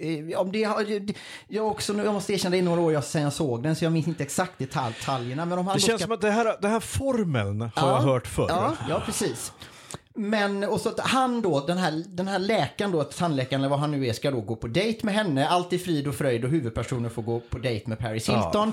Men sen så slutar det ändå givetvis med att han då blir kär i den här andra tjejen för att den här läkaren då gör ju henne snygg. Ja. För hon spelas ju naturligtvis av en jättesnygg skådis som de har gjort ful. Oh my god. Ja, så att eh, till slut så blir han ju då istället kär i henne och så är filmen slut. Ja. Och, och när jag ser den här, det här är den här kategorin man sitter och blir så in i glödheta förbannad på. För här har någon jävla pucko suttit och gjort en film som han tycker är en romantisk komedi Ja. som ska utmana våra fördomar om vad som är snyggt och fult. I själva verket gör den ju precis Ja, jag tänkte säga det. tvärtom. Det, men, det, men är det inte precis det som alla de där jävla She's All That och Ja, alla ja, de här filmerna, ja, exakt samma sak. Va? Kolla den här, den här risiga nördbruden. Men. Om vi bara noppar hennes ögonbryn, eh, ger henne en push-up i H och eh, liksom så under all den där fårpälsen så finns det en vacker kvinna. Ba, ba, men för helvete, liksom, det, det, vi har ju sett det här förr. Jag blir ju också så här, det var ju var det inte sådana här filmer som Freddie Prinze Jr var med i under hela 90-talet. Ja. Och men, grejen är så här att det här ser jag ju nu, men, men när jag var 15 och såg de här filmerna, jag, då, då hade jag inte de där kritiska ögonen. Nej. Utan då var det ju det var ju där jag blev matad med. Liksom. Det var ju, liksom, men jag kommer ihåg Jack Black gjorde en hemsk film eh, för många år sedan som hette eh, Jag kommer inte ihåg vad den hette på engelska, men jag tror den på svenska heter med typ eh, Mitt rätta jag. Jag minns fan inte vad den heter. Men det handlar om att Jack Black, av alla personer, Jack Black, eh, spelar en kille som är jätteytlig och bara gillar snygga brudar. Men sen så slår han i huvudet eller någonting. Så att han ser folk för vad de är på insidan. Ja, just Och Gwyneth Paltrow spelar då en, en, en jättetjock överviktig tjej i en Mm. fatsuit. Men han ser bara henne som hon ser ut på insidan, det vill säga som Mm. Gwyneth Paltrow ser ut. Men alla andra ser henne som tjock och alla bara, hur kan det vara ihop med henne? Hon är ju fet. Nej, för jag ser...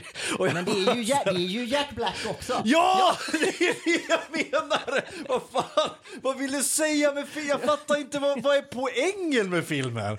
Jag bara så här... Och exakt samma sak är ju problemet med den här filmen. Ja. Det, det är ju så uppenbart att de har tagit en modellsnygg Hollywoodskådis och Ja. med jätteusel makeup Ja. gjort henne inom jättestora ci, ci, citationstecken ful. Ja. Och det är bara så här, men det är ju ingen som köper detta. Och lägg, Ja. lägg till då att, att skådespeleriet är totalruttet och Paris Ja. Hilton kan inte skådespela för fem öre. Nej, nej, nej, nej. Överhuvudtaget. Nej, nej. Hon kan ju knappt prata som hon är själv. Nej, alltså. nej. nej, eh, nej, nej, nej okej. Den där- Den där skriver jag inte ner, för jag vill, jag vill inte se den. Jag, jag misstänker att jag har sett den, men jag har förträngt den. För som sagt, det där är ju en dus, den där historien är en dussin historia. Ja, det är det.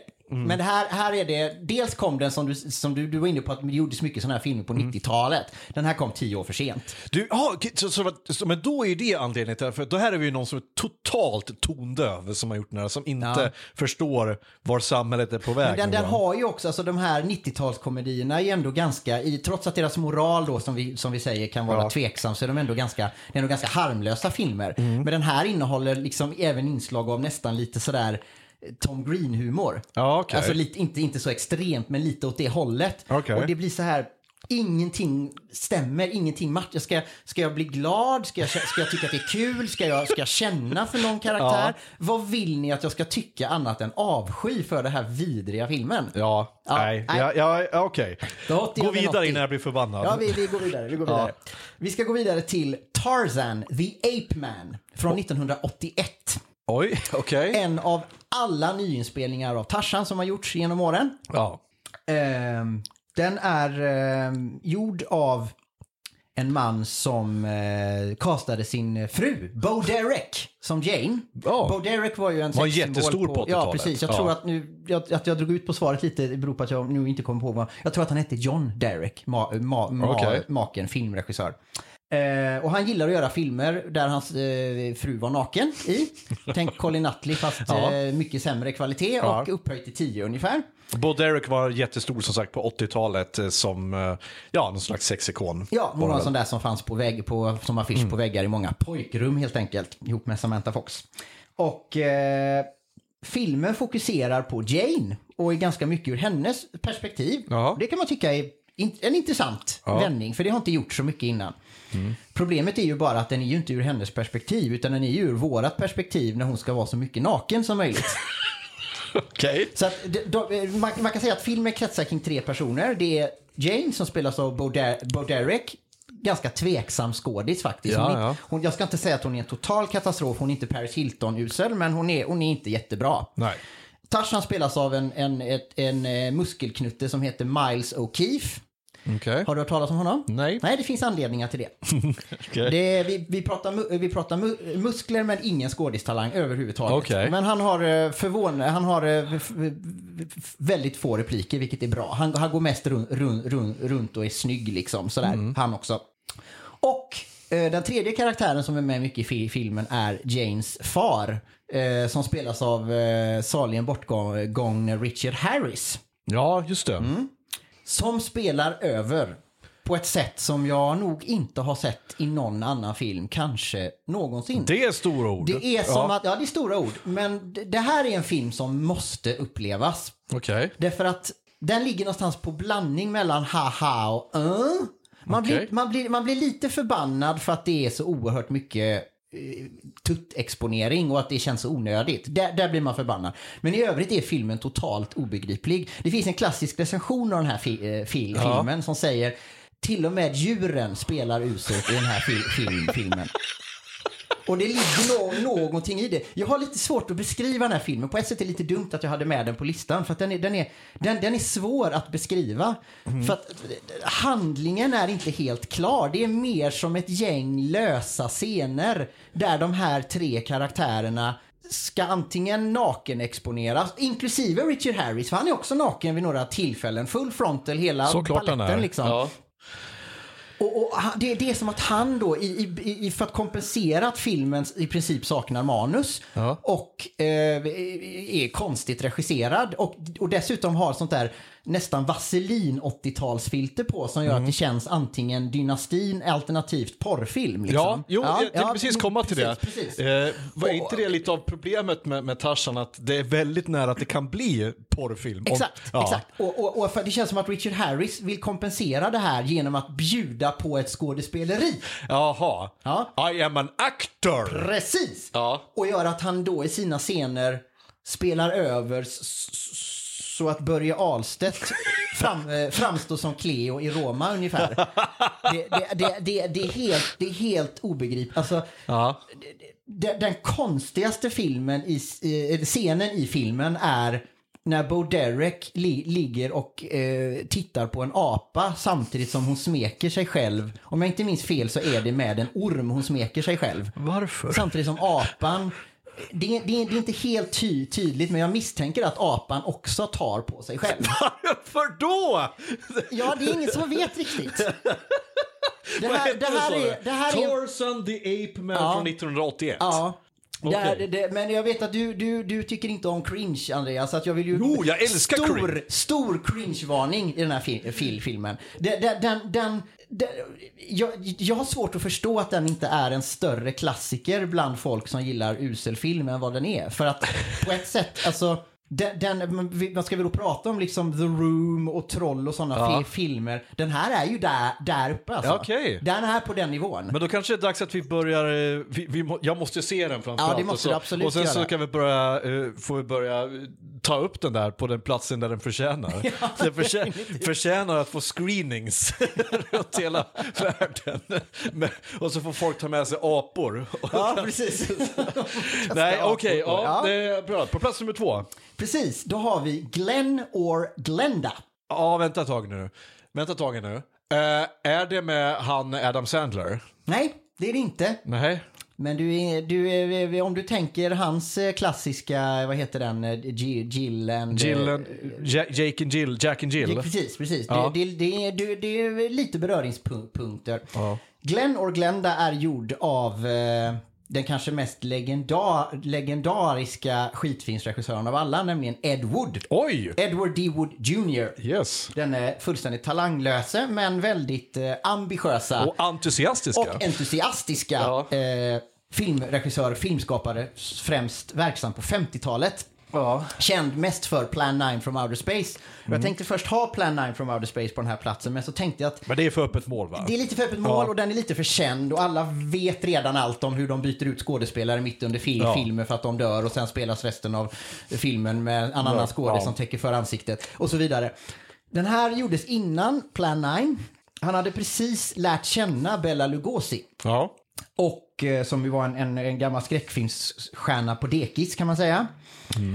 Eh, och filmade några lösa scener med honom där han sitter och, eh, och är någon form av Dracula-liknande figur som är en, en, en, berättare. Okej. Så han filmar Bela Lugosi när Bela Lugosi i princip improviserar. Well, you're sitting there waiting to see something. Alltså det, har, det, det är liksom inget sammanhang, det är bara Nej. Bela Lugosi som är Bela Lugosi. Okej. Och så tänkte jag, jag, jag måste ju ha någon film till detta också. Och saken med Ed, Ed Wood var att han var en crossdresser. Ja, Han eh, gillade att klä ut sig i kvinnokläder, helt enkelt. Eh, och han hade också en närt en dröm om att göra en film om detta. För att få folk att förstå att ja, men vi, är inget, vi är som alla andra människor. Vi tycker bara om att klä oss i, i liksom... Hans stora grej var ju angora sweaters. Han älskade Ja. angora tröjor liksom. Sådär. Yes. Och det älskade han att klä, klä, och liksom, och klä sig i. Och han gör då en film där han själv spelar huvudrollen. Om en man som heter Glenn och som ibland gillar att gå ut på stan som Glenda. Ja. Och egentligen är ju det här nå någonting som är ganska fint. Och vi måste ju tänka att det här är 50-tal också. Filmen är från 1953 om inte jag minns fel. Ja, progressivt. Eh, det är progressivt och det är modigt. Och Mm. att han överhuvudtaget fick finansiering för filmen, trots att budgeten är ju noll i princip. Men han fick ju ändå någon form av finansiering till den, oklart hur. Den gjordes ju liksom och den gick ju upp på biografer och så vidare. Så jag, nå, nå, nå, någonstans finns det ju ett stort hjärta där. Mm. Men jag tror inte att någon människa som ser den filmen tänk, tänker Ja men det här är fullt friska människor. Okej. Den, om man tänker sig att, att, att, att Bella Lugosi sitter och ska vara berättare för film, filmen. Ja, i Dracula-dräkt. Ja, i någon form av liknande Dracula-dräkt. Ja, okej. Och det han säger har ju ingenting med det som händer i filmen att göra. Utan det är ju bara lösryckta... Eh, Ja. What you are going to see is an amazing story. Och så vidare och så vidare. Det här då blandat med en ganska rakt berättad historia om när Glenn då ska våga komma ut inför sin flickvän som även spelas av Ed Woods flickvän IRL på den, som han levde med på den tiden. Ja. Eh, som för övrigt inte kan skådespela för fem öre. Nej, och det kunde du inte Ed Wood heller. Nej, att, det är inte, inte, inte särskilt bra. Och, och, och det, det, det är en ganska rakt enkelt berättad historia samtidigt som han väver in drömsekvenser med människor i dräkter. Mm. Får jag gissa att det är dvärgar med också? Ja, det, det, nej, det är det nog inte så mycket, Nej. men det är människor i monsterdräkter. Som med en väldigt eh, suddig bild ut, utför konstiga grejer till musik. Och det har egentligen heller ingenting med grundstoryn att göra. Nej. Eh, Kan det vara så att Ed Wood egentligen ville göra, ha- han hade en kort historia att berätta, sen måste han fylla ut den med en jävla massa saker. För att han ville, han hade så att det räckte till en kortfilm. Jag, jag tror helt enkelt att han var väldigt ambitiös Ja. och, och ville göra filmer som skulle förändra livet för människor. Ja. För det första hade han ingen talang, för det andra hade han inga pengar. Nej. Och för det tredje så, så vi, vi, ja, all, alltså sådär, det, det, Självinsikt hade han inte heller. exakt. Han hade ingen självinsikt heller. Eh, Glenn och Glenda är på många sätt en, en, en sorgligare film än vad Plan, Plan 9 är ju bara så uppenbart klantig. Och Ja. man, det, är, det, är en, det är en science fiction-film, den är rätt att skratta åt. Den är lätt att skratta åt. Här, här, här har vi ändå en människa som vill berätta någonting, Mm. men så fruktansvärt misslyckas med att göra detta. Ja. Och jag bara tänker mig, den publiken som ändå såg den här filmen på 50-talet, den var säkert inte stor. Den hamnade ungefär som, precis som med, Re, med Reefer Madness, så hamnade den ganska snart på på vischan och visades Ja. upp på cir- cirkusar som en freakfilm liksom. Och det var Ja. ju allt annat än vad Ed Wood hade Precis. tänkt med filmen. Den bytte senare, de bytte namn på filmen till I changed my sex och så Mm. fick den visas på liksom porrbiografer. Men Trots, tänk- trots att den inte innehåller något sex eller något sånt alls. Och, och, och det, det, det finns någonting väldigt sorgligt i det här att han så gärna ville komma ut inför hela världen. Ja. Och, och, och snarare så är den ett, ett steg bakåt för Men tänk om Ed Wood egentligen, rörelsen. han bara hade haft lite självinsikt och kanske nöjt sig med att skriva manus. Att få Ja, berätta sin historia och faktiskt någon kompetent hade filmat hans, hans Ja. visioner och idéer. Ja, ja. Eh, Hade han blivit producent eller vad fan som helst. Men det är just det där problemet att han, han går in och ska regissera och göra saker som han inte, uppenbarligen inte hanterar. Nej, och han har liksom tankar om Ja, men har jag med Bella Lugosi så kommer filmen att sälja. Ja, men Bella Lugosi har ingen funktion i filmen. Nej. Han är med i filmen, han har ingen funktion i den. Nej. Det här kända citatet eh, Pull the strings är ju från Glenn och Glenda. Och det är Bella Lugosi som, som sitter och har en, en monolog om hur, hur, hur, hur vi alla är människor som, som, som liksom styrs av eh, en slags puppet master, liksom sådär. Pull the strings, liksom sådär. Men det har, det har egentligen ingenting att göra med, med Glenns resa i fil, filmen. Nej. Filmen Ed Wood, om Ed Woods liv av Tim Burton, eh, Med Johnny Depp. Ja, precis, med Johnny Depp som, som Ed Wood. Det, det, en stor del av den filmen handlar ju om inspelningen av Glenn och Glenda. Ja, jag skrev ner det nu här för att jag känner att eh, men, eh, jag blir lite så här, okej. Jag måste stålsätta mig på ett annat sätt när jag ser den där filmen. Att Ja. jag kanske kommer att må lite dåligt. Ja, den, Alltså, är, den, är, den, är, den är ganska rolig för att den är så klantigt gjord. Ja. Den är obegriplig för att den innehåller scener som man inte förstår varför de är Ja. med i filmen. Men man blir också lite ledsen för jag Ja. tror att han ville väl. Jo men det är det. det, det om konstigt, historien liksom. har gett Ed Wood någonting så är det ju att alla verkar vara överens om att han var en sympatisk människa. Eh, även om han var inkompetent. Så, Precis, Ja. Eh, så är det nog. Mm. Och, han, eh, det, det gick ju heller inte så bra. Alltså, alla de här grandiosa eh, idéerna han hade om sin egen liksom, förträfflighet. Det slutar ju med att han, han, han, han slutar sin karriär med att göra porr. Ja. Han skrev manus till porrfilm liksom. Eh, och det var nog allt annat än vad han hade för intentioner från början. Nej. Så det är ganska sorgligt levnadsöde faktiskt. Eh, på många sätt och vis. Det är mycket, som sagt, jag, jag tror att det finns en, en sliding door konficient där. Alltså att hade han, hade någon sagt att liksom, men så här, jag kan, vill ha lite hjälp, jag kan fixa det. Det, det, alltså, det hade kunnat gått annorlunda. Nu blev, nu blev hans legacy som det blev istället liksom. Men jag, jag uppskattar det där att man ska försöka se eh, Eh, det, fin det finns ju en historia där bakom, det finns, en, det, det finns en ambition, det finns någonting han ville. Men det är synd att det skulle bli som det blev. Ja. Ja, verkligen. Ja, men på Verkligen. plats nummer ett då? På fall. plats nummer ett har vi vad jag tycker är den sämsta film som har gjorts alla kategorier. Sämre än The Room, sämre än Troll 2, sämre än allt. Okej. Vi pratar en svensk film, Jaha. vilket gör att den ju i ett internationellt perspektiv inte kan klassas som den sämsta film som gjorts för att den, den är... Det, det, Man måste vara Jag tror jag svensk för vet vilken du kommer att dra upp nu, det ska bli intressant Vi att se. ska prata om Sean Banan inuti Sean-fricka. Yes, ja, visst. Den här har du sagt så många gånger. Så nu vill jag höra dig verkligen plocka isär den Det, här. det haveriet som den här filmen är, det har aldrig tidigare skådat. Alltså, Mimmi och Reine i fjällen ain't got nothing Nej, okej. on, on, eh, on Sean Banan inuti För det första, vi, för det första vi ska, ska vi bara upplysa lyssnarna om att det, Sean Banan, den karaktären, det är inte alla som känner till honom för att han gick upp och sen försvann han. Eh, det var, han var en... Det är elakt att säga att han är en Markoolio-figur, för att det är elakt mot Markoolio. För Markoolio hade, eh, har ändå varit en kärn, kär underhållare, framförallt för barnpublik under många år och han är en sympatisk person. Sean Banan dök först upp som en dansare i, tror jag, programmet Floor Filler på Ja, kanal 5. stämmer. Sen eh, sa han då sin catchphrase som är rumpa! Och då tyckte någon att det där kan vi göra en grej av. Sen blev han en karaktär i Måns Möllers eh, hade ett eh, program på TV3 och så blev då Sean Banan ett inslag där, där han åkte ut med en mikrofon och intervjuade folk och så sa han rumpa. Det, det är i princip vad Sean Banan är för någonting. Ja, ja, nu är du lite hård får man säga. För det första är han faktiskt en ganska duktig dansare. Jo, jo, men Eh, och det- för det andra så har han dessutom varit med två gånger med Melodifestivalen och gjort kanske de två roligaste numren i Melodifestivalens historia. Här, Det- glider, här det- glider kingen in. Ja, det ska Och- han ändå ha. Jag, jag, jag, jag kan tycka att Sean Banan-karaktären är ganska rolig.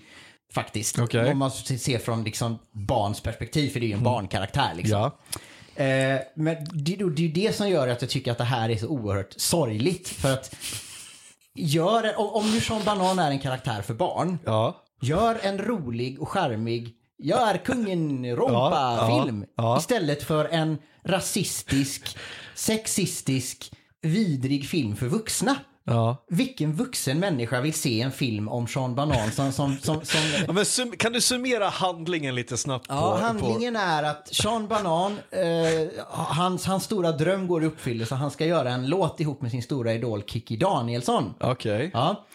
Och eh, han ska då skickas till Afrika för att spela in en video. Okej, Och Kiki spelar sig själv? Kiki spelar sig själv. Ja. Och han ska skickas till Afrika, som ju i filmen då är ett land. Ja, såklart. Ja, bara där liksom.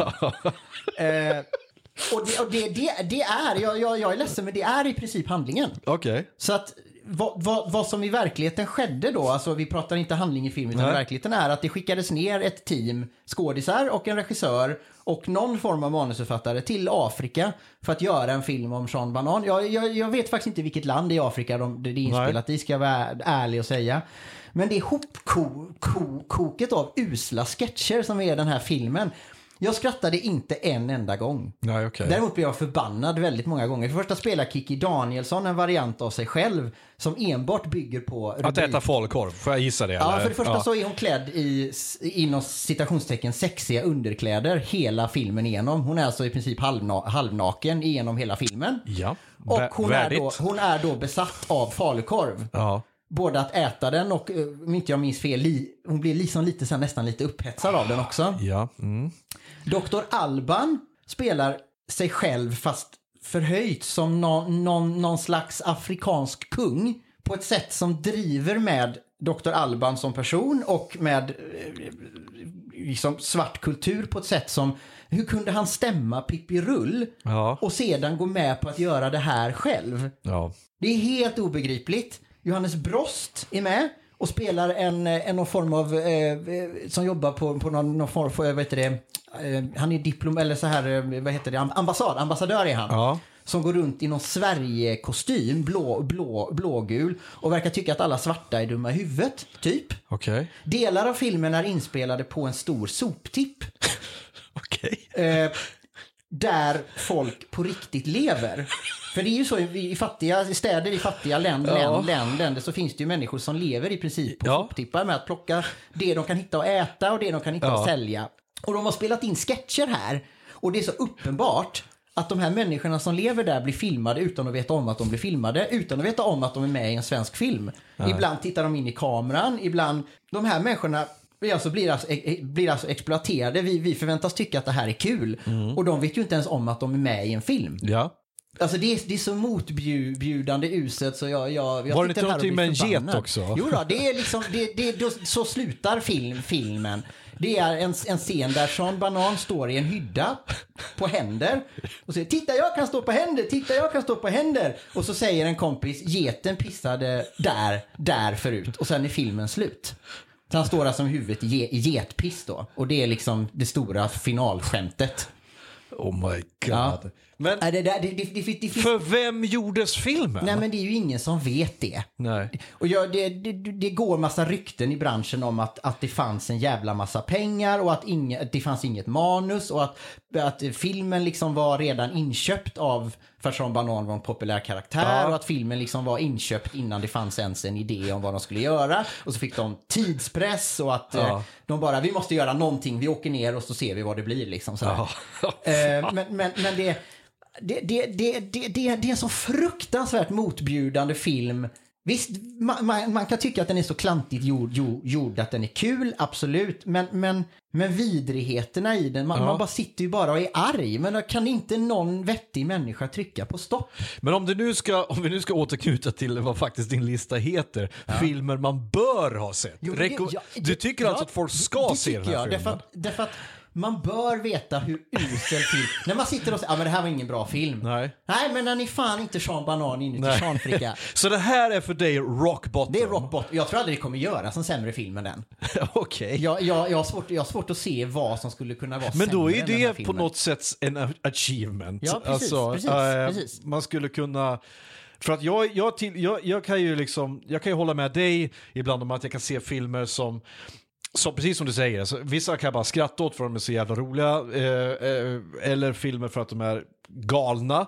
Mm. Eller filmer som är en slöseri med min tid. En sån film tycker jag till exempel Battlefield Earth. Ja, den är ja, slöseri ja. med min tid. Gud, ja. Därför att den är inte ens så dålig så att den blir bra, den är bara dålig. Den är bara, jag blir bara förbannad Och för man att... blir förbannad över oerhört mycket pengar som har Ja. bränts på en så fruktansvärt usel film. Ja, precis. Visst, jag kan skratta lite åt John Travoltas fantastiska överspel i den filmen. Men alltså, allt som allt blir jag mest förbannad över att den existerar. Ja. Och eh, Sean Africa, är det en film som du, som du känner så, så till? Att du blir förbannad för att den gjordes, för att den finns? Ja, eller kan, ja, men det blir jag Så du faktiskt. garvar inte ens åt det tragiska i den? Nej, alltså men en film som The Room då som som ju är, alltså, visst, det är en av de sämsta filmer som har gjorts, men den är ju oerhört underhållande. Ja. Jag, jag tror jag har sett The Room 8-9 gånger och jag tycker det är lika underhållande och kul att se den Mm. Ja, men den är ju en upplevelse. Exakt, det är en upplevelse. Ja. Men det här, det här, den här filmen borde ju aldrig ha gjorts. Nej. De som är med i den verkar inte tycka att det är särskilt kul att vara med i den. Nej. Men de här stackars människorna på soptippen som de exponerar tror jag definitivt inte vill vara med i den. Nej. Manusförfattaren och regissören verkar inte heller tycka att det här är något speciellt. Alltså, Nej. ingen tycker ju att den här filmen borde ha gjorts. Tror du att Sean Banan själv tycker att den... Att den Ytterst oklart. Nej, för jag tänker så här, vilken jävla legacy för, för en sån bra skådespelare som Johannes Brost liksom. Att det, det, det, där, det där fick han göra innan han dog liksom. Ja, intressant är också att det var den första filmen han gjorde efter Avalon som han fick en guld, guldbagge. Exakt, det är det jag Och menar. det, det, det, hur kunde han välja att vara med? Det är ju ingen som har tvingat honom liksom. Nej, han har ju är det- valt att ja, men det här blir nog en rolig grej. Så någonstans måste det ju ha varit en agent eller någon, Ja, någon, någon ja. inblandad som tyckte att det här var en bra idé. Ja. Och den, det, men jag vet att även filmbolaget var ju extremt missnöjda. Den smögs upp på biograferna och smögs ner. Ja. Den gick jättekort. Alltså vi snackar tre veckor eller något sånt där bara. Två, två tre veckor kanske. Jag Så skriver ner den här nu motvilligt. Bara, Ja. För att du har inte sålt in den jättebra. Nej, det förstår jag. Men, men det, det är Sean också sådär- Banan, mitt Sean Afrika. Heter Nej, det? Sean Banan inuti Sean Fricka. Doesn't even make sense. Nej, nej. Ingenting. Nej. Det är ju inte ens ett ord. Inuti Sean Fricka. Nej, jag, jag, jag pallar inte. Okej, jag, jag, jag kommer att se den, men jag kommer att se den motvilligt. Det här, det här är- brukar jag säga, att det är ungefär som att ibland går man till gymmet fast man inte vill. Den här filmen måste jag se nu fast jag verkligen inte vill. Du har inte, du har inte sagt någonting som får mig att vilja se den här filmen. The Room sålde man in till mig ändå ganska bra. Att, så att du kommer inte ångra dig. Du kommer Nej. att ha roligt när du ser den här Ja, ja.